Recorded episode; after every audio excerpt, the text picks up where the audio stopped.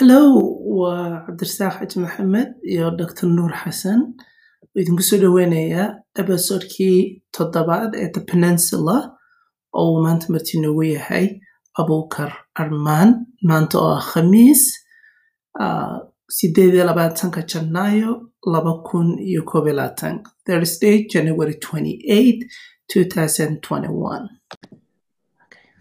Asalaamu calaykum aad baad mahadsantidiin Abuukar iyo ah, Dr. Nuur Um, waxaan isticmaalaynaa Zoom webinar laakiin insha Allah waxaan rabin inuu ahaado conversation inaga inoo dhexeeya.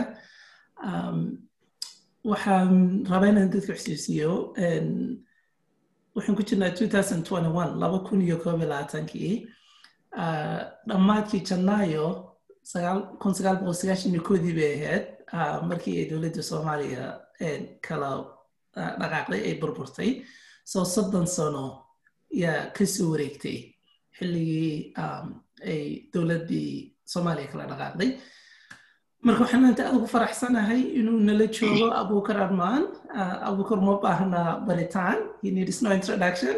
Um, waa maaragtay political analyst. In badan inaga mid waxaan u malaynayaa inaynu um, qoraaladiisa akhrinay if haddaad rabtid soomaaliya inaad wax ka fahantid he's definitely uh, the go-to intellectual and uh, political analyst oo u baahan maaragtay afkaartiisa in la dhegeysto um, sidaan ku qoray facebooka aad baan ugu faraxsanahay inaan conversation la qaadanayno beautiful mind. marka abuukar soo dhowo walaal waa dhowahay jazakum allahu khayr Um, waxaan ciwaanka uga dhignay uh, Somalia wearing a circle. Waxaad moodaa inaynu ku jirno uh, wareegto joogta ah uh, ama noqoto doorashooyinka ama maaragtay dhibku. Waxaad moodaa inuu weli taagan yahay. Marka badanaa waxaynu ku meermeereysanaa also en, waxana dhibka waxaan maxaa sababaya? Marka waxaan rabay bal maanta inaan xoogaa abuukar iyo nuur aan ka faa'iidaysto bal xagee bay soomaaliya ka sildegi laadahay. Marka su'aasha ugu horeysan raba abuukar inaan weydiyo waxaan jeclaan lahaa inaad xoogaa noo yarahe ifisid waa ninba waxaa laga sheegay aan salaada ciidaha tukan jirin yaa maalin soo galay masaajidkii oo salaadii la tukanayo ciidda salaadii caadigu moodaya allahu akbar buu yidhi. Markii allahu akbar allahu akbar allahu akbartii shan iyo toddoba jeer lagu celiyey yiri war salaada xaggee iska qaban laadahay. Mm. marka xalka soomaaliya xaaladda soomaaliya xaggee ba iska qaban laadahay. Waxaan jeclaan lahaa abukar inaad bal noo ifiso um, sida adiga kula tahay laba saddex ama afar arrimood uh, main, challenges oo hortaagan um, inay soomaaliya saldegto En, waa mahadsantahay waa su'aal aad u culus oo aan is leeyahay probably si kastoo aan uga jawaabo kolleyta wax unaan ka tagi doonaa intaan ka tagana walaalkaya ku dari doona nuur iyo ama adiga. Inta kale oona dhegaysanaysaa su'aal ahaan u soo jeedin doonta insha allah. Ah, waa saa sheegta mean, soddonkii sanee la soo dhaafay. Ah, sidii aa weli la isaga daba wareeganaya ilaa iyo maantadaanan hadlayno weli wax ma caddaamay maanta hadda waxaad moodaaba in aad loo sii kala fog yahay soddonkii sana haddaad miisaan la soo saarto maantayba ka sii xun tahay because awal waxaa jiri jiray goobo yar oo shidan oo yacni dagaalo iyo oo dhiig ka daadanaya ama qabaa'ilka ay isku kacsan yihiin. Meelaha kale markaad tagtidna waxay ahaan jireen meel un yacni degan oo ammaankeeda fiican yahay. Maanta haddaad fiiriso yani federal stateska mid allaale midaad magacooda soo qaado waxaad ogaanaysaa oo aan wada aragnaa dhammaanteen intentionka uu sii badan yahay. In dagaaladiiba yani iyo maxaa la yidhaahaa eh, tuhumkan dadka kala galay walaaliha ahaa ah, inuu weli sii ballaaranayo sii kora that said marka maxaa sababay? Waxyaalo badanaa sababay. Ah, marar badan aan aan aan waxaan ka hadlaa macnaha shakhsiga soomaaliga markaad weydiisa ama conversation adoo kula jiro aad isku soo qaadaan cadaaladda. Ah. Eh, qof kasta wuxuu kule cadaalad xumaa dhacday. Waa la isku kacisaan waa- waana runtooda qof allaala qofkii saas u jawaabo xaquu sheegay laakiin Eh, qayb ka mid uu sheegay ma wada dhamaystirin sheekada. Waxaan ugala jeeda waxa waaye cid kasta waxay tirsanaysaa in laga sadbadsaday ama in hoos loo dhigay ama waxay doonto ha ku marmarsidoodaan qabaa'il ahaan markii loo fikiraan ka hadlaya badanaana waxay ku leeyihiin reer hebelaa naga wasiiro badsaday ama reer hebelaa dhaqaalihii haystay ama reer hebelaa ciidankii oo dhan wada haystay ama waxyaalo saasay sababo ugaga dhigaan laakiin cadaaladda intaas way ka weyn tahay. Khaasatan kuwan badanaa ugugu codka dheer oo sheeganaya in la dulmay badanaa waa qabaa'ilkii xooga badnaa waaye. Yani isku arkaya inay yani wax kaloo ziyaade ay xaq u leeyihiin mugta sense of entitlement waxa loo yaqaano ay leeyihiin annaga intaan ka badanaan istaahilnaa waa waana la dulmay therefore waa dagaalamayna marka qofkaas iyo qabiilka saas u fikiraya marna cadaalad kama hadlaayo yani ma ahan qof u taagan cadaalad maaha. Qof u talin karo ummaddaasoo dhan kooda madow kooda cad kooda muslimka ee kaan ahayn kii dhexdhexaadka ilaan ummad markaa u talinaysa dadkii o dhan aa wada nabiga calayhi salaatu wasalaam markuu madiine joogo qof kasta muslim ma ahayn qof kastana mataqaanaa ma ahayn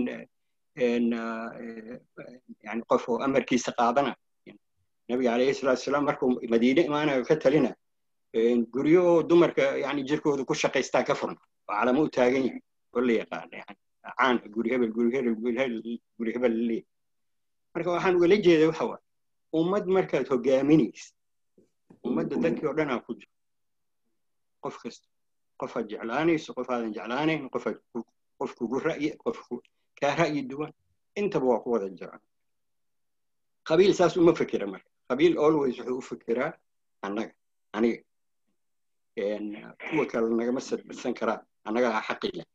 Xaqa ay sheegaan marka waxa waa kii iyaga dulmigooda ugu gargaarayo haddadan aan fadhino waxaad arkaysaa federal stateska waxay ku andacoonayaan.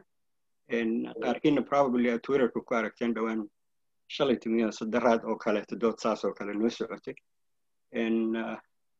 Horaa yaraan soo geliyo yani feker yar aan lahay qof kastoo u taagan macnaha qabiil federalism kama talinayo inuu qaranka wax taro wax saasoo dad badanaa marka qaylina markaas leeyahay centralism maa noo wadaa ma dowladda xad rabtaa inay madax noogaga istaagto?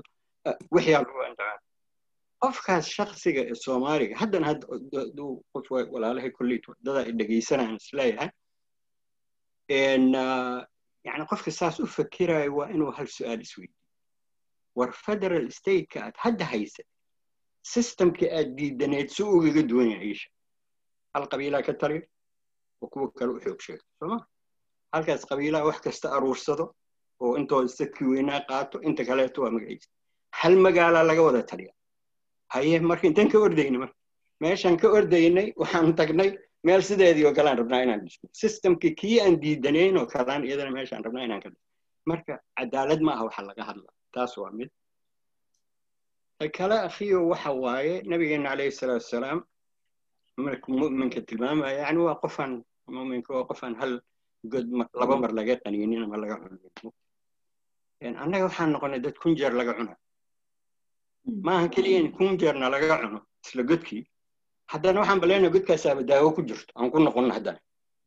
Weligeed meelay ka dhacday lama sheego taas marka waxaa kuu dheer dadkii oo leaderska ummad kasta waxay leedahay dad hogaamiye yani dad caqli ku hogaamiye kuwa diin ku hogaamiye moralka u sheego kuwa siyaasad ku hogaamiye kuwa u odayeeyo markay macnaha ay mashaakil ama dhibaatooyin kala qabsadaan ama waxsaas oo kale intiba way feelgaroobeen intiba waa feelgaroobeen yani kii siyaasiga waa kuwan hadda ad aragto yani qof kastaba waxa iyagaa ayagaaba ka labis fiican bo kuwii oo ajaanibta ahaa nala joog waxaad leedahay kii ajnabiga makanaya mase kanaya kii waddanka lahaa mugta kulli waxay ku taagan yihiin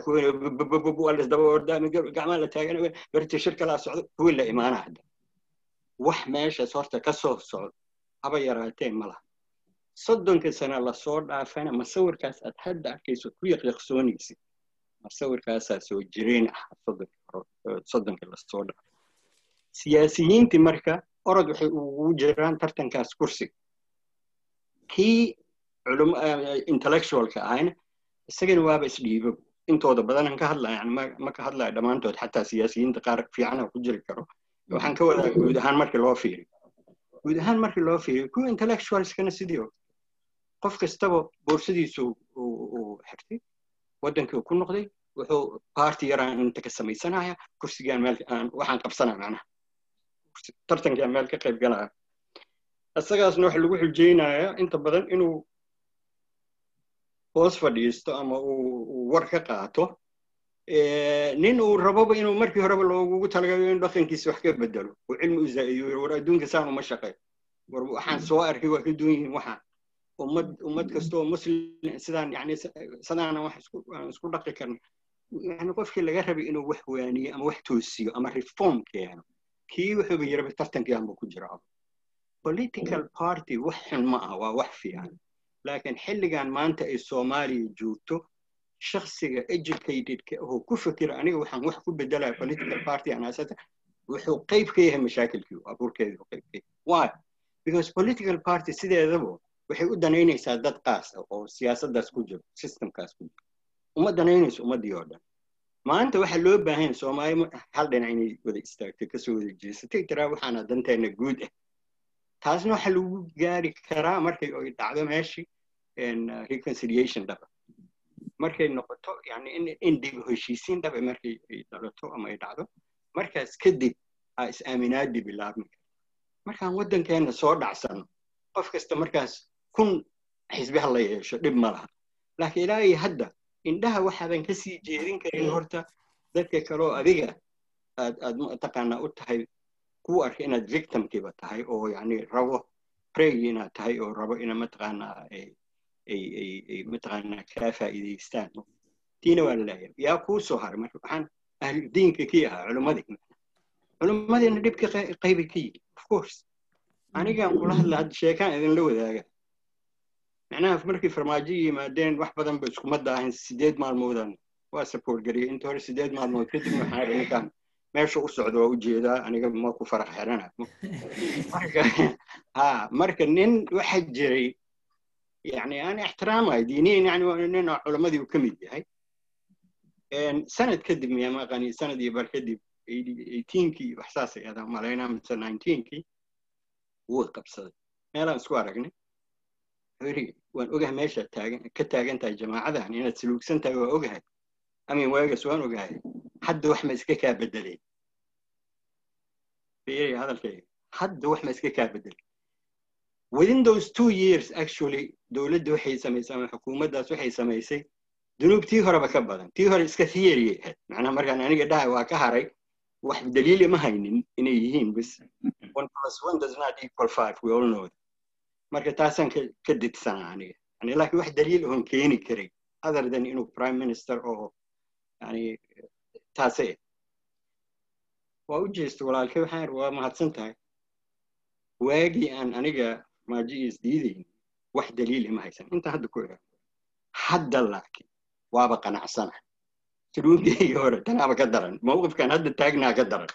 Masjid allahna ku dhex jirnaa marka marka waxaan ugala jeedaa siyaasigii boosuu ku xiran yahay isaga markaas wuxuu danta dantiisa u arkaa iyo dan soomaali because raguu ka dhex yaqaano meesha ugaga jeedaa jamaacadana annaga isku mataqaana wax isku darsan karnaa. Therefore waa hawshii oo dhanba waa dhammaatay mog marka intaasaan uga hara insha allah dan waa xataa soo xasuusto baarak allah maasha allah waxaan moodaa waxaan kala dhex baxay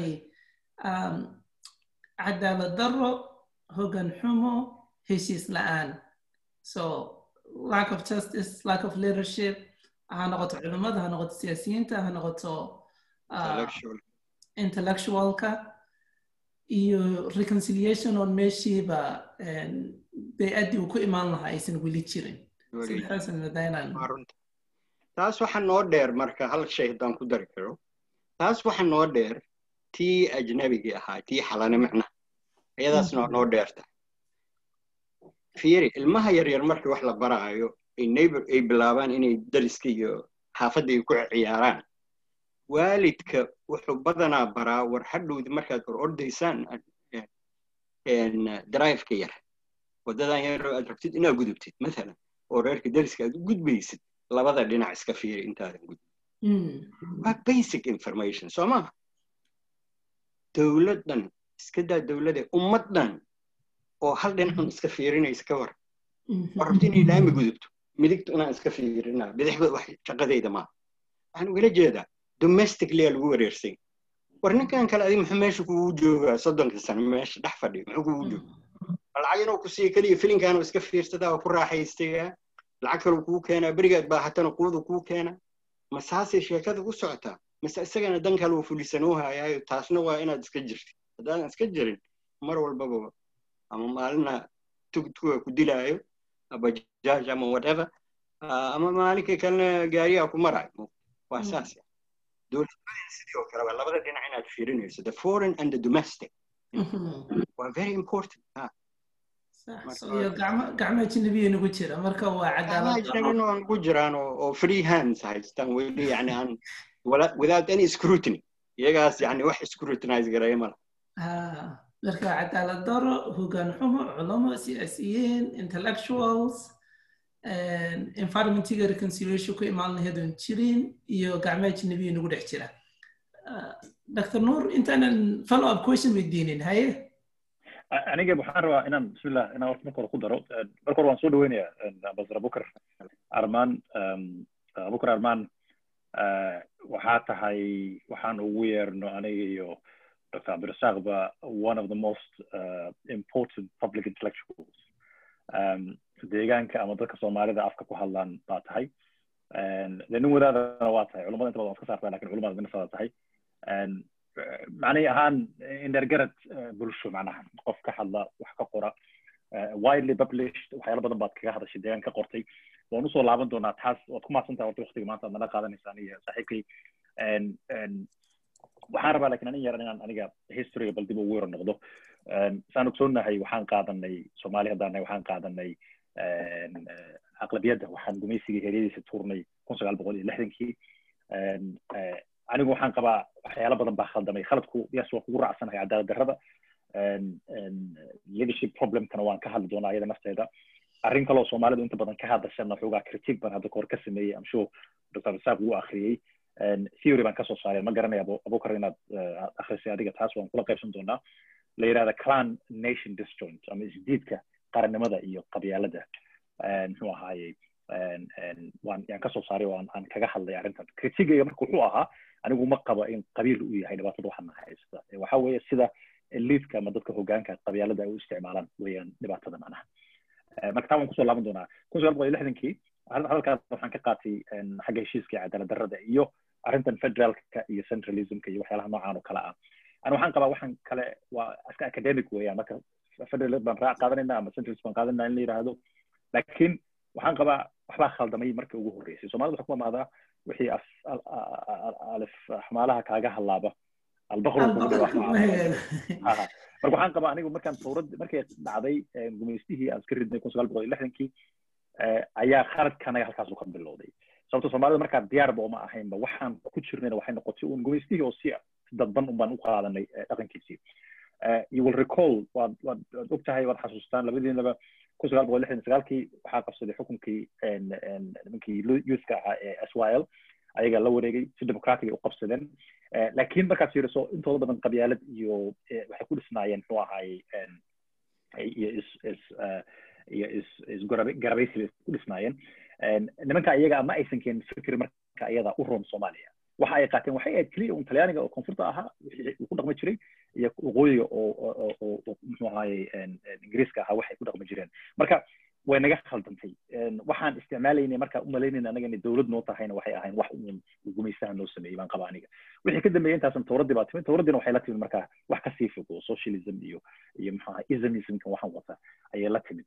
Marka anigu waxaan aan is leeyahay meesha ay wax ka khaldameen kow waa taariikhdii hore oo khaldantay annaga oonan dibna waxaan uga imaan doonaa article hadda aad qortay oo widely read ahaa aada loo akhriyey oo ku saabsanaa in hadda soomaaliya dib loogu celiyo muxuu ahaa united nationka sababto waxaan ku dooday in maaragtay xornimo rasmiya baan haysanin bana waan kugu raacsanay arrintaas iyada hadda kahor waan ka hadlay inkastoonan kugu raacsan haddii lagu celiyo united nationka laakiin waan kugu raacsanay fikirka ah inaan soomaaliya aysan weli xor ahayn gacanta aan ku jirno xalanaha hadda aad sheegaysaan gacanta ugu jirno ani waxaan qabaa the most the, biggest problemka soomaalida hadda haysta waa leadership failure leadershipkaas isticmaalaya qabyaalad hadda markaad fiiriso theorygaygana waan kaga hadlay inta badan qabiiladan hadda ordaya iyo waxaan waxaynaya waa elite baa wata. Qabiilku waxaa laga dhaadhiciyaa haddaad xukunka ka maqan tahay qofka kale xukunka haysta marka anagu ayuu nagu yahay lidka soomaalida waxay ku kala tahay qabyaalada keliya ma aha waa sida eliidka inta badan waxaa la yidhahdaa marka eliidka ay ay ka hadlayaan dadka la hadlayaan qabiilka way hoos bay u dhigaan waxay yidhahdaan qabyaalada la sheegin magacaan la waxayn reality marka laga hadlana soomaaliya waxa ku dhisnaa waa qabiil way dhisan nahay. Waxaa laga yaaba hadda madaxweynaha qabiil buu ku joogaa meesha. Laakiin markuu soogaas fagaaraha soo istaaga uu ka hadlaya soomaali weynimuu ku hadlayaa laakiin markuu private joogo waxaa laga yaabaa inuu si u hadlayo si qabiilkiisa asaga keliyana ma ah waa waa un historically marka waxaan qabaa qabyaaladu ma aha dhibka. Main problems waa leadership problems iyo anagoo weli aanan soomaali haddaan nahay aanan fahamsanayn system dowladnimada qaabka aan rabno inaan wax u qabano ma fahamsanin taasan aniga aan aan aan yaan qaba anigu waxba iskuma diidan inay on the same page yani middan inay ka soo bilaabatay xornimadii kadib maqaal oo maybe inaadan arkin aa dhici karto laakin la yidhaaho the lead camel effect. Oo about maybe eight years ago iyo waxsaasaan u malayna haddaanan qaldaneen either 11 2011 or 2012 meelahaasaan u malayna ma xasuusto but anyway uh, it's available. And I, I agree with you 100% yani and, uh, in fact waxaa jiray waxyaalo badan oo ay kaga daydayeen isticmaalkii oo ilaa iyo maantadan dhaqan xumo oo oo really la dhaxlay keenay.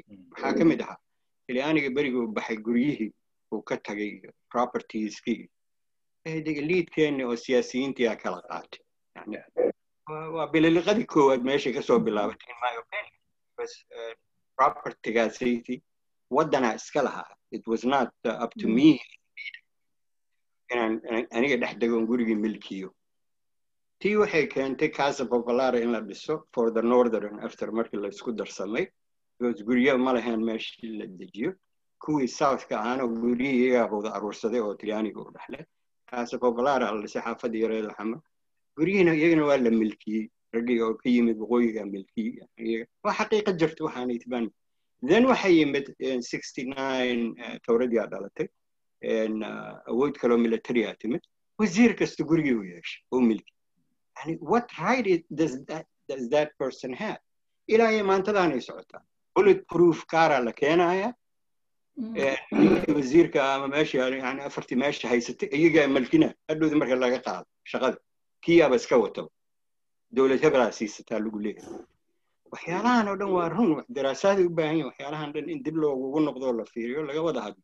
Dhaqan xumadan intay noogaga soo bilaabay that's why aan u leeyahay yani shock therapyga aad reference garaysay maqaalkii hadafka oo dhan wuxuu ahaaba really that shock therapy. Ma ahan hana lagu celiyaan yaan lagu celin in la helo systemka markuu qofka yani heart failure ku dhaco oo wadnihii istaago oo aadan choice kale lahayn waa electricitykaas inaad ku daydo waay maaho oo yani joltkaas xoogga leh oo oo hal mar aad jirkiisa ku samaysay si uu wadnihii shaqayn u bilaabo aniga marka saasaan u arkaya laakiin i am against totally in cid kalena midda kalena daawada waxay ahayd inaan dhahno united nations yaynan ahaynin hal dowlad mas'uul ha ha ka noqoto? Yani hal dowladoo lala xisaabtan haddii la yidhi shan sano.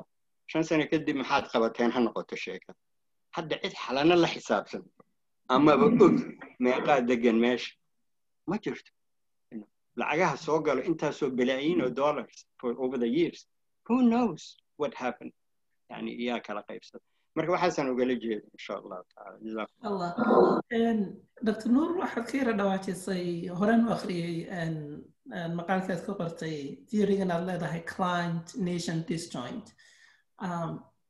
Marka bal waxaan rabaa abukar inaan weydiiyo. Abukar miyay jiraan aragtiyo conceptual theories sharxi karaya dhibkan soomaalida hadda haysta? Waxaan maalin dhexdeeda arkayay mar aad carabaadinaysay ibn khaldun iyo fikradihiisu siday u sharxi karaan waxyaalayn ku dhex jirno. Marka miyay jiraan conceptual theories fikrado aad u malaynaysa inay sharxi karaan I think sometimes waxa muhiima inaad fahanteed aragtiyada sharxi kara dhibka ku haysta si aad uga dhex baxdid dhibkaas waa badnaan karaan bad aniga midaan rabay inaan ku soo noqnoqdo waxa waaye yani qof qofka shaksiga frame of referencekiisa wuxuu yahay waa very important inuu og yahay ma dhinac diinaad ka duulaysaa ma mid dhaqanaad ka duulaysaa ma mid qarbi aad ka duulaysaa yani ama combination of all of that. taas waa important. annaga ka society ahaan mujtamac ahaan bulsho ahaan soomaaliya bulsho oo bulshooyinkan ka mida kuwan warka ku nool war ku noolayaalaan war ku noolahana dhib uu leeyahay dhibka waxa waaye maanta oo dhan waa eventsaa wado maanta o dhan waa inuu hadlo mugto hadduusan maanta maqlin news xamar ka soo yeedho meelaa qaraxda ama hebel ama hebela wasiir laga qaada ama hadduusan helin ma waa waa down. Yani waxba meesha kama socdaan mugto marka qofkii waktiba analysis uma haayo wuxuu maanta oo dhan ceersana eventka kale. Toban qofoodoo wacaya ayo intay ka dhacan axmedow baa soo socda dani sidaanuu yiri farmaajo saan okay wixii maanta oo dhan saanaa la isaga daba wareegana marka tan muhiimka waxa waaye dadka inay yani theory midaad hadda ka hadasho. Qofka bini aadanka inuu fareenno yar qabto yaraa way way way meeshaan yani sidaan kuma jiri karo. Soddon sanaan saan ku soo weysgarayno ku soo dhuminay tan ma sii socon karto. Waa wax inay isbedelaan marka isbedelkiisuu ku iman karaa dhacdooyinkii horoo dhan oo soo dhacay ha u arkin entertainment. Sida dadka intooda badan ay u arkaan entertainment waa xaqiiqo jirto. Yani haddii maanta qarax dhacayn qaarna waa ku farxsan yihiin qaarna waa ka xun yihiin qaarna waa naxsan yihiin. Bini aadanka sidiisaba aflaantan cabsida maxay u galaan? Yani waad ogtaa galbeedka aflaanta cabsiday jecel yihiin soo ma lacago badanayna sameyn filin yar markii la sameeyo kaa nixinaya markaad aragtid aad geshid kaasaaba loo jecel yahay soo ma bini aadanka sidiisaba waa sidaas oo kale at a primitive stage. markuu markuu taagan yahay level uunan afkaar iyo naqaashkeeda samaynaynin ama analysiskeeda samaynaynin wuxuu ku mashquulsan yahay entertainment. haddii kale waa board yani waa waa qofay ka jajaban tahay waan maanta helin wax dhaqaajiyo shucuurtiisa marka tenny saas la mid ay noqotay dhacdooyinkaas unaa la maanta meeshaasi ka dhacday meeshaasi ka dhacday. Waxaasaa la isku haystaa ama reer hebela isku soo duuli rabo. Waxaasaa lagu mashquulsan. Laakiin lagama hadlo say dhacdooyinkan isugu wada xiran yihiin marka ayaan hore markaan ibnu khalduun ka hadlaya arrintaasi iyo casabiyada hoose waa iska fahansannahay marmar qabiilka waana taan doctor nuur ku raacsanahay. Qabiilka mar wuu muhiim yahay. You know in, in a, it depends on the society. Marka meeshay ku sugan tahay. Ma lagu sugan yahay mise magaalo ma qaranaan nahay mise waxaan nahay yani dad kala dedegan oo qabaa'il.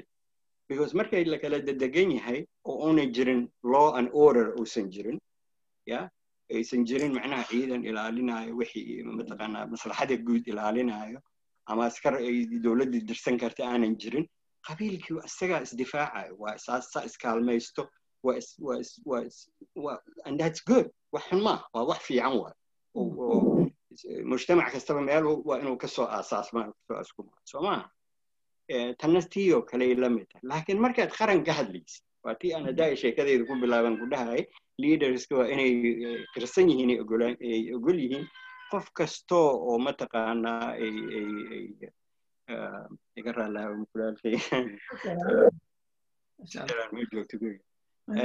anyway qof kasta oo mataqaanaa ka mid ah mujtamacaas ku ra'yi ma aha ku diin ma aha uma eka ku magac ma aha backgroundkooda inuu kala duwan yahay dhici karto. Qofka leaderka waxaa la rabaa inuu ogolaan karo. Marka anigu waxaan uga jeeday waxa waaye mujtamacan taas fahmin oo welina labadii isku rabo because tii qabiilkana dani aniga ii tahay waan rabaa. Ana meelaha qaarkood markaan joogay maslaxa iigu tahay.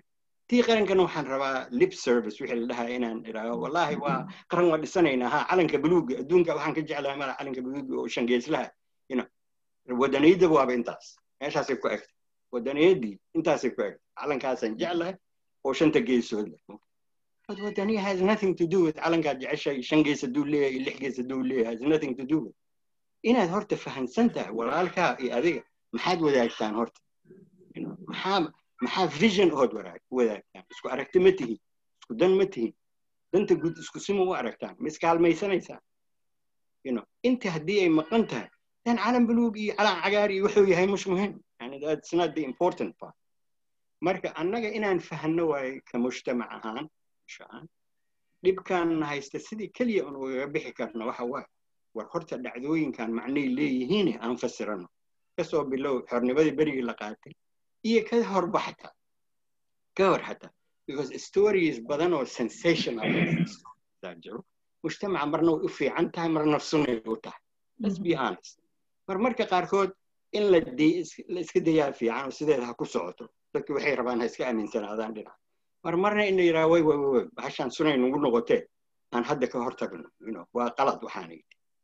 Waxyaalaha ka mid a waxa waaye this this whole idea of yani everything was great during during the mataqaanaa ha waa policy waxba kama jiraan. Yani xaqiiqada waa taas. Taas marka waxay u baahan tahay shayka bay u baahan tahay. In because hadda haddaa weli aan ku jirnay taariikhdii horaan haddana dib ugu soo noqon meeqa xisbi hadda jiro waana aragna xornimadii kadib maxaa dhacay? In axsaabtii isku qabsadeen qolo kasta meel yaray degatay cutthroat business ay noqotay. Raggii walaalaha ahaayoo dhahay because hal issue wada dhaqaajiyo ma jirin. Hal maslaxo ay wada arkayeen dhammaantood tanaa maslaxa nooce ma jirin. Hashii waxay ahayd xornimo. Xornimo markii la qaatay it's your head against mine. Yani ha. Yaa horta la khaarijinaya sheekada noqotay yani politically speaker aan ka wada. Sax sax sax waa run bod adiga iyo nuurba waxaan rabaa mararka qaarkood waxay baadargareeya waxay moodaa in la dhaho wixii xun baxaa waale so anything goes wrong soomaalida haddii laba isqabato waxaa la dhahayaa waa sidaa sheegaysa haddaad hadda haddaad aan tusaale ahaan isticmaalo dadku farmaajo waa madaxweynaha soo tusaalehaan isticmaalaya right? Burka dhulka yar dhiga. Haddaad farmaajo taageertid waxaa lagu dhahayaa waxaad ku taageeraysaa qabiil. Haddaad ka soo horjeedsatidna waxaa lagu dhahayaa waxaad uga soo horjeedsatay qabiil. Reality markaad fiirisid waxaad moodaa inay ka duwan tahay. I really like inaad emphasis saarayseen leadership. Marka theorygana dr nuur isticmaalaysay ahaa clan nation disjoint waxaad moodaa inay laftigeedu markaan haddaad xusuusto ee arrintaa ka dhawaajinaysay oo ah sidan u isticmaalayno yaa ah si iska horkeenaysa in wixii nationka anfici lahaa iyo wixii qabiilka macnaha si saxa looma isticmaalayo waa la iska horkeenaya laakiin se ideadan ah haddii wax walba xumaadaan hadda matalan nasiib xumo wixii ka dhacay beled xaawo isbuucii la soo dhaafay oo kale tusaale hadda nasoo qaato i waa isla hal qoys marka realityga la dhaho waxa isku jabay waa isla hal qoys so qabiil ma sharxi karayo in dhacdooyinkaasi ay mas'uul ka yihiin marka i don't know. Meel baad moodaan wax iska diidan yihiin? Dr nuur waxaan rabaa digraal hada abdulabsaq iyo ambasir abukar waxaan rabaa hal mid inaan ku daro oo ah aniga arrinta hadda uu ambasirka sheegay waan ku raacsanahay. Ibnu khaldum ideyadiisii ahayd casariya waxay leedahay boos bay lahayd. Wuxuu ka hadlayana waxay ahayd in in pre sida aad sheegtay pre muxuu ahaaye order iyo low uusan jirin oo dowladnimo aysan jirin macnaha sida dadka ay wax isku qabsan karaan si casabiyada loo waxayn karayo. Infact soomaalida waan soo marnay innaga casabiya oo hadda markaad fiiriso jiritaanka soomaalida inta badan oo casriyadaas oo form of casabiya buu ku dhisnaa. Qabyaaladun waxay ahayd qabiilkan dad isku yimid lack of resources economic issue baa jiray. Taariikhiyan reer galbeedkana wax way ka qoreen soomaali badanna way ka hadashay. Arrintaas iyada ah kadib markii laakiin la gaaray oo european muxuu ahaaye colonizerski ay noo imaadeen oo gumaystihii yurub uu yimid waddankeena wuxuu la yimid arrin cusub oonan aqoonin dowladnimuu la yimid. Annaga marka anarchist baan iska nahay iska ahayn. Dad soomaalida dad generally dowladnimada iyo organizationka iyo maamulka iyo waxa iyo xukunka iyo controlka ku xun weeye. Waayo de qabiilkaas ee socodka ah ee xornimada ah ayaa ayuu dhaqankeena inta badan u badnaa dhaqanka soomaalidana inta badan boqolkiiba sideetan sagaashan wuxuu badan yahay dhaqanka reeguraaga ee socdaalka ah ee dadku ay xorta yihiin ay maamulka iyo controlka iyo law and orderka aysan lahayn kolba loo socdo meelo cusub maaragtay wax laga helayo marka aniga waan qabaa ibnu khaldum aragtidiisa ah casabiya weli boos baa ayay leedahay weli waxay leedahay can play a very important role. laakiin fikirka qabiilka iyo qaranka isma qaadan karaan critique baan ka sameeyey theorygeyga waxay ku timid waxay ahayd anigu ma aaminsani in qaranka iyo qabiilka lakala wadi karayo. Waxaan aaminsanahay soomaalida waxay ku doodeysaa inteeda badan. Inta badana dadka ku dooda waa dadka eliitka ah wey ama dadka public intellectualska ah indhergaradka bulshada ah. Ayaa waxay yidhahdaan qabyaalad baana baabi'isay qabyaalad baa saas samaysay qaranka iyo qabyaalada isma qaadan karaan. Ani marka markaan lecturekaa sameynayay waxaan ku doodayay maya way isqaadan karaan. Waxa weeye annaga qaabkan isku eliitka qaabku rabo inuu isku qabadsiiyo ayay cilada ka taagan tahay.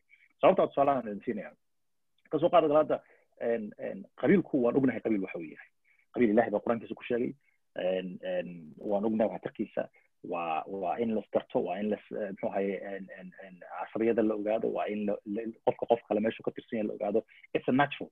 ilahay baa qur'aankiisa ku sheegay so qabiilku waa wax jira weeye qaranka marka is waxa weeye waa dadkii qabiilada ahaa oo isku tegay oo danta guud ka hadlay weeye eliidka anaga marka meesha xilliga laga bilaabo xilligii ay dhacday heeryadii gumeysiga iska tuurnay kun sagaal boqol lixdankii waxa eliidka ay bilaabeen waxay ahayd waxay isfahansiiyeen arrintan ah sida europeanka because fikran wadan european muxuu ahaye ideology of of waxaanay dhahaan ishek this form of, of governance um, um, the european governance this is, this is switzerland muxuu ahay maxay ahayd um, remind me theorygi maxay ahayd ahayd um, the european the western um, uh, dowladnimada macnaha ku dhisantay galbeedka baa jirtay oo fikirkaas ah macnaha oo ahayd in dowladdu ay tahay wax ka madax banaan waxyaalaha ku kooban ee kale dadku ay wax wada mideynaya ay tahay dowladda ku wada dhexayso marka waxaan aaminsanahay guud ahaan qabiilka inta badan eliidka anaga way waxa qasay hadda markaan adoo hadda nin oday ah oo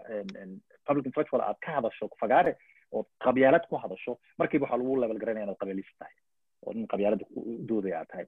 Bal laakiin in reality private markaad tahayna oo aad la hadlaysa dadka qoyska aad la hadlaysa qabiil baad ula hadlaysaa. Ninka madaxweynaha markuu meesha imaado madaxweyne laga dhigo qabiil baa lagu geeyey meeshii laakin wuu soo istaagaya wuxuu leeyahay qabyaalada publicly wuxuu leeyahay qabyaalada waa xaaraam sidan hala sameeyo. Towradiina waan ku soo aragnay towradii waxay ahayd qabyaalada waa la duugay yiri si aad darre. Wuxuu sameeyey qabri baa la sameeyey qabyaalada waa la duugay baa layidhi qabyaalada waa la duugay cilada meesha ka timid halkaas weye qabyaalada in la duuga ma aha. Waa in la yidhaahdo weye qabyaalada iyo qaranka sidee la isku qabadsiin kara waxaan aniga aan soo jeediyey in la isku qabadsiin karayo in laga joojiyo ceebeyntan publica laga ceebeynayo qabyaalada privatekana la wadanayo. Oo la yidhaahdo qabiil waa sidan uu joogaa it has a role laakiin qarannimada ayaa ka weyn. Sidee marka qabiilkaas sidee dantiisa u arki hadda dadka ka soo horjeeda dowladda farmaajo kale waxaa laga yaabaa inay qabyaalad ku dhisan yihiin. Qabyaalada ku dhisan yihiinna waxay u arkeen si khalad ah ay u arkeen traditionally oo waxay internalize ku sameeyeen maskaxdooda waxa weeye oo ay iska dhaadhiciyeen dadkana ka dhaadhicinayaan. Waxay u arkeen in qof kasta qaranka marka qabiilka markaa haysta kursiga inay ka soo horjeedaan danta qabiilkooda macnaha oo waxay dadka dhaadhicinayaan way laakiin hadday aaminsan yihiin farmaajo inuu wuxuu u doodaya ay tahay soomaalinimo soomaalina hadda waxay u baahan tahay waa nabadgelyo resources ay wada wadaagaan iyo dadka oo si fiican u wada noolaado oo wada waxayso dowlad noqdo ay iska ilaaliyaan dadkan kale soo faragelinaya. Intaa hadda waxay u baahan yihiin. Qabiil kasta markaa su'aal weydiiso tirahdo qabiilkaada muxuu u baahan yahay. Ma jiro qabiil ku dhahaya annaga taanada dantaanada kale qabiil kale uu ka gedisan ma jiro. Isku dan baan wadanaa kulligeen laakiin eliidka ayaa keenaya inay waxaan manipulation ku sameeyaan. Oo yidhaahdaan qabiil hebel sidinuu yahay. Gobol kasta hadda fiiri. Puntland jubbaland um, all the landskan hadda wada fiiri kulligood. Markaad wada eegto dadka shacabka kuwa nool dad kasta waxay u baahan yihiin gobol kasta wuxuu u baahan yahay nabadgelyo biyo nadiifa carruurtooda iskuul aado iyo dowlad si saxa u shaqayso corruption aan lahayn hoggaan wanaagsan intaan bay wada baahan yihiin kulligood marka haddii hoggaanka puntland hadday hesho hoggaan noocaas oo muqdisho jooga why would they need muxuu ahay someone else? Eliidka laakiin puntland jooga ama jubbaland jooga ama meelo kala jooga gobollada kala jooga ama meelaha gobollada kala jooga ayaa ka dhaadhicinaya inay qabiilada kale dantooda ka shaqaynayaan xamar kuwa hadda joogana dan kale ka shaqaynayaan kuwa kale jooga saasoo macaqla marka waxaan qabaa ilaa la horta public intellectualska like you abukar armaan la doodo la yidhaahdo okay let's think about this issue of qabyaalad iyo qaranka isma qaadan karaan oo si rasmi ah looga doodo critical engagement la sameeyo. Waxaan aaminsan somalida waan iska daba wareeganaynaa.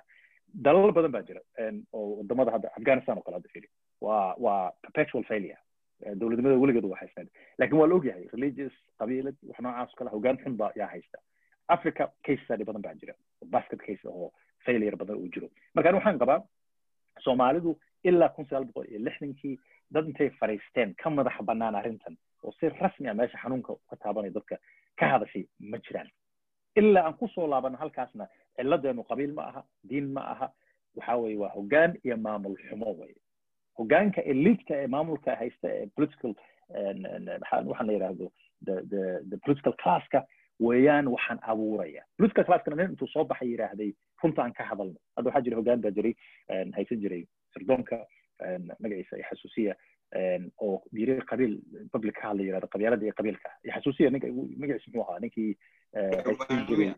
ya mar kol dhow may ahayd mise waa mar adigu few a year ago meelahaas ay ahayd wuu iska cadsilay hadda xukunkii laakiin wuu ka tirsanaan jiray dowladdii hore xasan sheekh maxamuud ka tirsanaa wuu ka hadlay nabadgelyadu haystay wuu ka hadlay muxuu ahaaye aad ba there was so much who has. ma garanaysaa just wuxuu ka hadlay uun qabiilkiisa wuxuu yiri qabiilkayga danteeda in loo waxeeyo sida nooc noocaas kale u yiri markaan waxaan ku soo ka wadaa ya ka wadaa miya exactly. Ah, idea. I really like idea. Idea wuxuu ka hadlay waxay ahayd elite buu ahaa qabiilku wuu isticmaalay wuuna ka faa'iidaystay as elite laakiin runtii buu sheegay wixii privateka ay ku wada hadlayeen elite ay ku hadlaan yuu publica keenay ani marka waxaan qabaa aan joojino waxaan privateka aan ku hadlayno public aan keenno haddaan public keenno oo la helo hadda nin hogaana soomaali ah oo yidhaahdo qabiil baan meesha ku imid laakiin danta qabiilkayga keliya uma doodayo danta qarankan u doodayo danta qaranka iyo qabiilkana way iswada leeyihiin qabiilkayga oo ah iyo qabiilka kale oo sidan ah waa isku dan intaa haddii la keeno hogaankaa noocaasa truthly truth runta ka hadlaya speaking to the truth la helo aniga waxaan qabaa dhibaato inaysan imaanin ma aad baad mahadsantahay waxaan rabaa inkastoo waktigii baa la gaaray forty five minute marka abubakar isa maxtan more minutes insha allah waan joojini Waya perfect, mashallah. inshallah Wad inshallah, anigana comment aan rabaa inaan ka bixiyo Dr. Noor intuu yiri inshallah. inshallah ha Dhamaysta horta iga hormar. waxaan rabaa inaad taasna wax ka bixisid laakiin waxaan rabaa xuseen baa su'aal qaba aan u malaynayo arrintan uu dr nuur ka dhawaajiyeyna ku salaysan. Marka abukar buu rabay inuu su'aasha weydiiyo xuseen welcome. Soo dhow walaal asalaamu calaykum walaal i maqashan salaam si fiican aad baad mahadsantihiin ambasarad abukar dr. Nuur iyo dr. Cabdi doodiinaasi mid aad u xiisa badan oo qiiradeeda la weyey kolley anigu. Dhalinyartii waxaa ka mid ahaan dowladda arag dowladdii soomaaliya arag laakiin waxaan weydiin lahaa dr. ambasador armaan qabyaaladda marka laga hadlayo qabyaaladani tu ay siyaasiyiinta ama dadka ilaadka ee hoggaanka u hayaa bulshada soomaaliyeed ay ku awrkaxsanayaan soo maaha. Iminka haddii qabyaalad laga hadlayo arrinta xaaladda iminka taagan ee ah jubbaland iyo i mean puntland. Haddii xaqiiq laga hadlay marka qabyaalad laga hadlaya farmaajo waa isku qabiil laakiin dee iminka haddana way ka soo horjeedaan oo iyagii baa diidan marka. Marka ma la odhan karaa siyaasiyiinta soomaalida ama dadka hoggaanka soomaalida wahayuun baa ku danaysanaya siyaasadde sida nuur sheegayey soomaali waa isku wadadan. Ninka jooga guriceel ka jooga hiiraan ka jooga hargeysa meeshuu doonaha joogay wuxuu u baahan yahay iskuul waxbarasho caafimaad waa xaqiiq saa uu sheegay dr nuur laakiin ma tahay hoggaanka soomaalida ka xun. Qabyaaladdu macnihi waa wax jirta saaad sheegaysaan laakiin sow indilama waxay waxaan weydiin lahaa dr ambasador armaan mar kale haddaan ku celiyo. Sow ma aha uun macnihi dhibaataduba hoggaanka hoggaankan soomaalida meesha doonaha jooga ama states ama landis ugu yeedh. Laakiin danaysi shakhsiyadeed un soo mootaan ma kula tahay dr armano weeyaan su'aasheedu waad mahadsantihin aad waad mahadsan tahay xuseen waad mahadsan tahay waa su'aal muhiim ah. Waxaana kaga jawaaba insha allah adna jawaabtaan ku siin lahaa. Oo su'aashaada ku aadan iyo commentskii uu walaalkay doctor nuur bixiyey. Labadiiaan isku daraya insha allah waa run hoggaan xumada waay waxa keenayo abuska oo lagu sameeyo qabyaalada amin qabiilka macnaha. Qabiilaysiga ama qabyaalada sida qaabka daran loo isticmaalayo waxa asaas iyo asalka u waxa waa niman iyaga iskoo u danaysanayo oo dadkan ay ku abtirsanayaan xataa aysan wax nacfiya u keenin waana badan yahay exampleska yani. Kuwa hadda jooga ka soo bilow iyo kuwa ka horreeyaba taas horta dood kama taagna yani waa waa xaqiiqo waadan ku waafaqsanayo labadiina ta kale oo ah munaafiqiinta macnaha oo ah on one handna la leeyahay qabiilkii waa nalaga daayo hoostana laga wato yani danaha lagu dhammaysanayo taasna waaba iska nifaaq yani marmarsiyo kaleba ma taas waa outright condemnation. waa waxa loo baahan yahay lagu sameeyo dadka saas oo kaleeta in la cambaareeyo la soo shaac bixiyo yani waxaan ay qarsanayaan waa la qabaa boqolkiiba boqol. Midda kale oon la qabo doctor nuur waxa waa inay doodan bilaabato ay socoto. Hadda ka hor waxaa jirtay v o a i think haruun macruuf inuu ahaa. Ha uu ahaa. Doctor cabdiraxmaan cali xersi. Cabdiraxmaan baadiyo axmed samatar iyo aniga.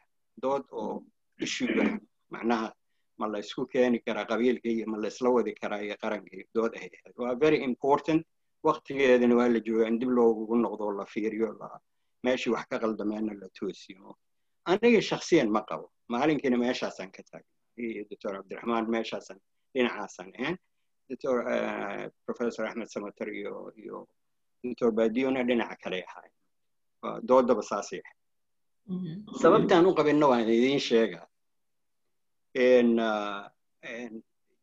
qabiilka sidiisaba qabaa'ilka markay soomaaliyeedu isdilin hadda ka hor taariikhiyan markaad fiiriso iyo kuwa maanta is haysto badanaa waxay isku haystaan waxa waaye survival issue sooma baadiyahan ka waa survival issue waa daaqii waa biyihii waxyaala la mid ah ya iyo xoolo yaroo la iska xado ama la isku qabsada ama ina wanaag waxyaalahaasoo dhan waxay ku salaysan yihiin survival ku salaysan yihiin law and orderna ma jiro which is going back to casabiyadii oo walaalkay doctor nuurna ka dhawaajiyo marka stagekaas lagu jiro. Uusan meeshii askari jirin ama boliis jirin oo ninkaas dabagalaayo waxaa kaaga soo dhicinayo way fiicantaa waa la isku wadi karaa reerka waa iskaashan karaan waa waa wada shaqayn karaan under that banner. Qabiil hebel qabiil x qabiil b whatever name siiyaan wax dhiba mala qaranka markaad imaadid waxaan muhiimka ahaa oo diinteennana ay ka soo horjeedo in la isku qabsado inay reer yidhaahaan daaqaasoo dhan annagaa leh annagoo reer hebel ahaa leh. Diinta meelay ka qabta mara infact waaba dembigu inuu qofka saas adiga maalmo aadan gashanin meeshaas ilaaha abuuray soo maha cooskaas meesha iyo cagaarkaasiid yaa abuuray ilaahay subxaana wa tacaala biyihina sidii oo kale. Halka sheed adiga dadka ka dhacsan kartid waxa waaye ceelka aad adiga qodatay warti aad adiga qodatay waa personal waa personal property ya personal property adaa leh waa lagu qiraa waxaan deegaanka meesha degantaho cagaaran reer hebel ma keensan karaan saddex kun oo geela meesha ma ka daaqsan karaan jawaabtu waa haa. Diiniyanan ka hadlahay markaad ka hadlayso qaran qaran waxa waaye nacfi oo dadkii oo dhan ay wada qaybsanaya waxaa danta guud maxaa ayaan horena waa eri dhulka xataa dhulka maarag ilaahay subxaana wa tacaala leh ka sokow dowladaada ka shaksiga milkiyey dhulkaas oo gatay ayaa leh qabiil intuu ka galaa marka that's why waxaan kuu leeyahay labadan markaad universal ka dhigtid wada noolaashadii ay universal noqoto. Waxaan ugala jeedaa qaran markaan nahay waa universal. Qof kastaa qarankii soo galaa qabiil markaad taadiga reer hebel meeshaas buuladaasa degan tihiin ama gooftaasa degan tihiin ama meesha adigaa leh. Saad rabtaan isku maamul. Laakiin ummaddii markaad soo dhex gashay kaysku wuu ka wen yahay tii ahayd tani oo casabiyada bayskeeda ah tan waa inay ka furnaataa oo dadkii oo dhan ay soo wada gelisaa tendadii inay dadkii oo dhan ka soo wada galaan waay marka daats waxaan u leeyahay marka labadan la isma waafajin karo oo labadan isma keenayaan marnaba. Situationally way dhici kartaa inay iswaafaqdo situationally maxaan uga jeedaa marxalo yaroo la maraayo waa dhici kartaa inay ay u ekaato haddaad fiiriso kayskaas iyo kayskaas oo intaasoo sana lama wada shaqaynayno wixii ma u ekaan inuu caadi ahaa ha ha way ahaa okay? Taariikhda fiiri marka taariikhda kayskaas le kuma dhisna marxaladaas le maaha taariikhda adduunka oo dhan fiiri. Cid kastoo weli qabiil mentality leh marna ma ogola the individual right. Qaranna wuxuu ku dhisanaa individual right. Qabiil right wax la dhahay ma jiro. Qabiil qabiil qabiil iyo qabiil kale maxkamad islama tagaayaan oo dowladdii yani uma samaynin qaadi oo ama garsoore oo kala gar qaado. Shaksiga wa adigaa wax ka soo dhib laguu geystay waa lagu dulmay adaa tagaa waxaad leedahay qofkaan qofkaan dhibkaan ii geystay. Qofkaan qofkaan wuxuu haystaa gurigayga qofkaan qofkaan shaksi ka dhig markaasaa system qaran shaqayn kara. Laakiin labada haddaa tira waa isku dhex wadaayaa labadii ma shaqaynayso. Aniga in my opinion waa qaldanaan karaa waa ka baxay sorry yar noqon day one minute. If I hadda idiin ogolaato ha one minute. Waxaan rabaa inaan inaan raaciyo arrintan ambassador armaan uu ka hadlay. Aniga doodayda waxaa weeye ma aha in qabiilka iyo qaranka la isku garaboodo. Laba entity oo equal muxuu ahaayey weight lena oo ma arko inay inay yihiin. Waxaan aaminsanahay casriyadda iyo qabiilka waan ku soo waan ku soo awrkacsanay waan ku soo gaadhnay. Now we moving into modern muxuu ahaye state system baan yaan u soo gudubnay. Dowlad maamulka samaysa individualismka hadda ambassadorka uu sheegaya oo kale ka shaqeysa cadaaladda ka shaqeysa resource sharing ka samaysa laakiin waxaan rabaa annaga soomaali haddaan nahay waxa iskaga kana darsan dhexqarsan ee aanan weli fahansanayn dadku aysan fahansanayn kuwa annaga xataa eliidka aysan fahansanayn waxa weeye qabiilka iyo qaranku dichotomy ma aha it's not either or one or maxaa dhihi jiray one either either either yeah it's not as if inaad mid haysata midka kale inuusan imaan karin macnaha micnaheeda ma aha waxaan qabaa inaan horta qeexno ani waxaan ku qeexay qabiilka saad sheegteen inay yihiin dad isku imaaday casabiyad ah xataa my not necessarily casabiyad xataa maxayn inay marriage inta marriage relationship inuu ka laga yaaba dadka lagu kursado meel wada degay laakiin muhiimadda ay ku midoobeen waxay ahayd resourcekan oo megar ahaa oo economic issue wey daaqi biyihii iyo nabadgelyadii haddii marka qabiilka intaa guarantee uu ka dhigo qaranka uu ka dhigo uu yidhahdo okay hang on. Annaga publicly haddaan nahay qarankii dowladdii biyihiini iyo daaqiini iyo iyo resourcekiini iyo nabadgelyadiini guarantee ka dhigayna waxaan aaminsanahay qabiilku daaqada wuu ka baxaya qabiilku lama baahanaya markaas iyadaa laakiin waxaan qabaa anigu horta marka hore in la qeexo qabiilow maxaa tahay? What is the problem? Anigu qabiil baan ahay. Rasulsa waa qabiil abubakar waa qabiil ilaahay baa noo abuuray. Laakiin qabiilkaygu anigu dan baan ugu jiraa. Hadduu qabiilkayga danta ii fulin waayo then i my no longer muxuu ahaye belong to the qabiil. Inaan qabiil kale aadaa laga yaabaa oo danteeda fuliya. Danteeda maxaa weeye? Nabadgelyo inaan helo carruurtayda inaan iskuul aado inaan qofka bilaadanka ka nabad resource inaan helo shaqana aan helo. That's my interest. Waxa hadda reer galbeedka ku socdaana taas weeyaan. Qabiil kastana qof kasta oo qabiil oo aniga ilamida soomaali ana intaan buu raadinaya. Nin raadinaya wax ka badan ma jirto. Marka haddii marka qabiilkii baahidiisa la ogaado qarankana shaqadiisa la ogaado anigu waxaan qabaa labada waa isu keeni karaya. Qaranku waxa weye ujeedadiisa inuu garantii ka dhigo danta guud ee dalka xuduudada ilaaliyo nabadgelyada ilaaliyo shaqooyin abuuro canshuuro aruuriyo resource muxuu ahaye sharingna uu sameeyo si equity ah uu share gareeyo. Marka waxaan aaminsanaya waxaa naga khaldan fahanka labadaa naga khaldan. Ma fahansaninba annaga qabiilka danta annaga nagu jirta individually iyo collectivelyba iyo qaranka waxa uu qabanayo. So waxaan aaminsanahay doodu waa inay ka bilaabataa in la yidhahda ma aha oo qabiilku dadkay ka xoog badan yahay ma aha. Qofka qabiilka aaminsan waxa weye wuxuu aaminsan yahay in inta haddii la isiiyo I don't care who's who's in, in, in Fila Somalia. Fila Somalia nin ku jira doon nin madaxweynaha ama muqdisho degan uu garansi ka dhigay intaas aan soo sheegay baahideeda it doesn't matter. Laakiin kama dhigi doono. Waayo wuxuu uga dhigeen kan liidka aniga matalaya igu matalaya gobolkayga ayaa been ii sheegaya idhahaya maya ninkaa qabiilka joogo dantii qabiil buu wadaa adiga markaas aniga ilaa xukunka aan qabsadana danteena ma qaban karayno and that is where the problem comes from. Okay. So macnaha waxaad leedahay actually daynaya waqtigan waqtigan rabaa inaan ixtiraamo insha allah five minute marka ambasadore waxaan rabaa waqtigiinaan kaaga maandaqadna la wadaagtay laakiin ila meeraysigii baa lagu jiraa markaan su'aal baan rabay inaan ku soo khatimo waayo weli waxaa lagu jiraa uun dhowrkii sanaba marba doorasha dhici baa la dhahaya. Marka i can let you go without asking your reflection on doorashadan laga yaaba inay dhacda ama laga yaaba inaysan dhicin bay soo socotaa laba maqal uu akhriyey mid maxadkan habes uu soo saaray oo actually dr nuur ku lug leeyahay. Iyo heritage labaduba way ka soo saareen. Heritage maqaalkan commentigana ugu yeereen what was it? Affording political violence in Soma, in Somali's upcoming elections. Wax noocaas oo kale ah dr nuur idinkuna groupkiin in habes waxaad recommend garaynayseen in dib loo dhigo. Marka waa isla waa su'aasha laba jibaarkii circleka weeyaan waa squaring the circle back to waa dhowrkii sanaba mar baynu giraangirtaas gelaynaa laakiin se seed u aragtaa wax waa su'aasha aan badanaa ka dheeraaday inaan la iweydiinin laakiin waa soo noqnoqotaa aniga shaksiyan waxaan ka taagnahay macnaha taariikhdeeniyaaba waxayba noqotayba afar sano kasta nin cusubaa yimaado saddexda sano hore. Wuxuu doonuu sameeyaa. Sanadka dambe waxaa la isku haystaa issue kalaba ma jiro. Wixii uu soo sameeyey iska daa. Waxaa soo socda oon ku wajahanaa futurekeena iska daa doorasho ma dhacaysa mise ma dhacayso xasan maa imaanaya mise xuseenaa imaanaya doodii oo dhan waaba intaas. Aniga conceptually waa ka soo horjeeda haddaad hoose sababtan ugaga soo horjeedana wax kale maaha maahan inaan diidanahay inuu election dhaco. Waxaan aaminsanahay inuu election dhaco waa waajib. Keligii taas ma aha xataa waan la qabaa walaalahay dhahaayo violenceaa dhici karto macnaha haddaysan hadduusan dhicin election. Waan la qabaa intaasoo.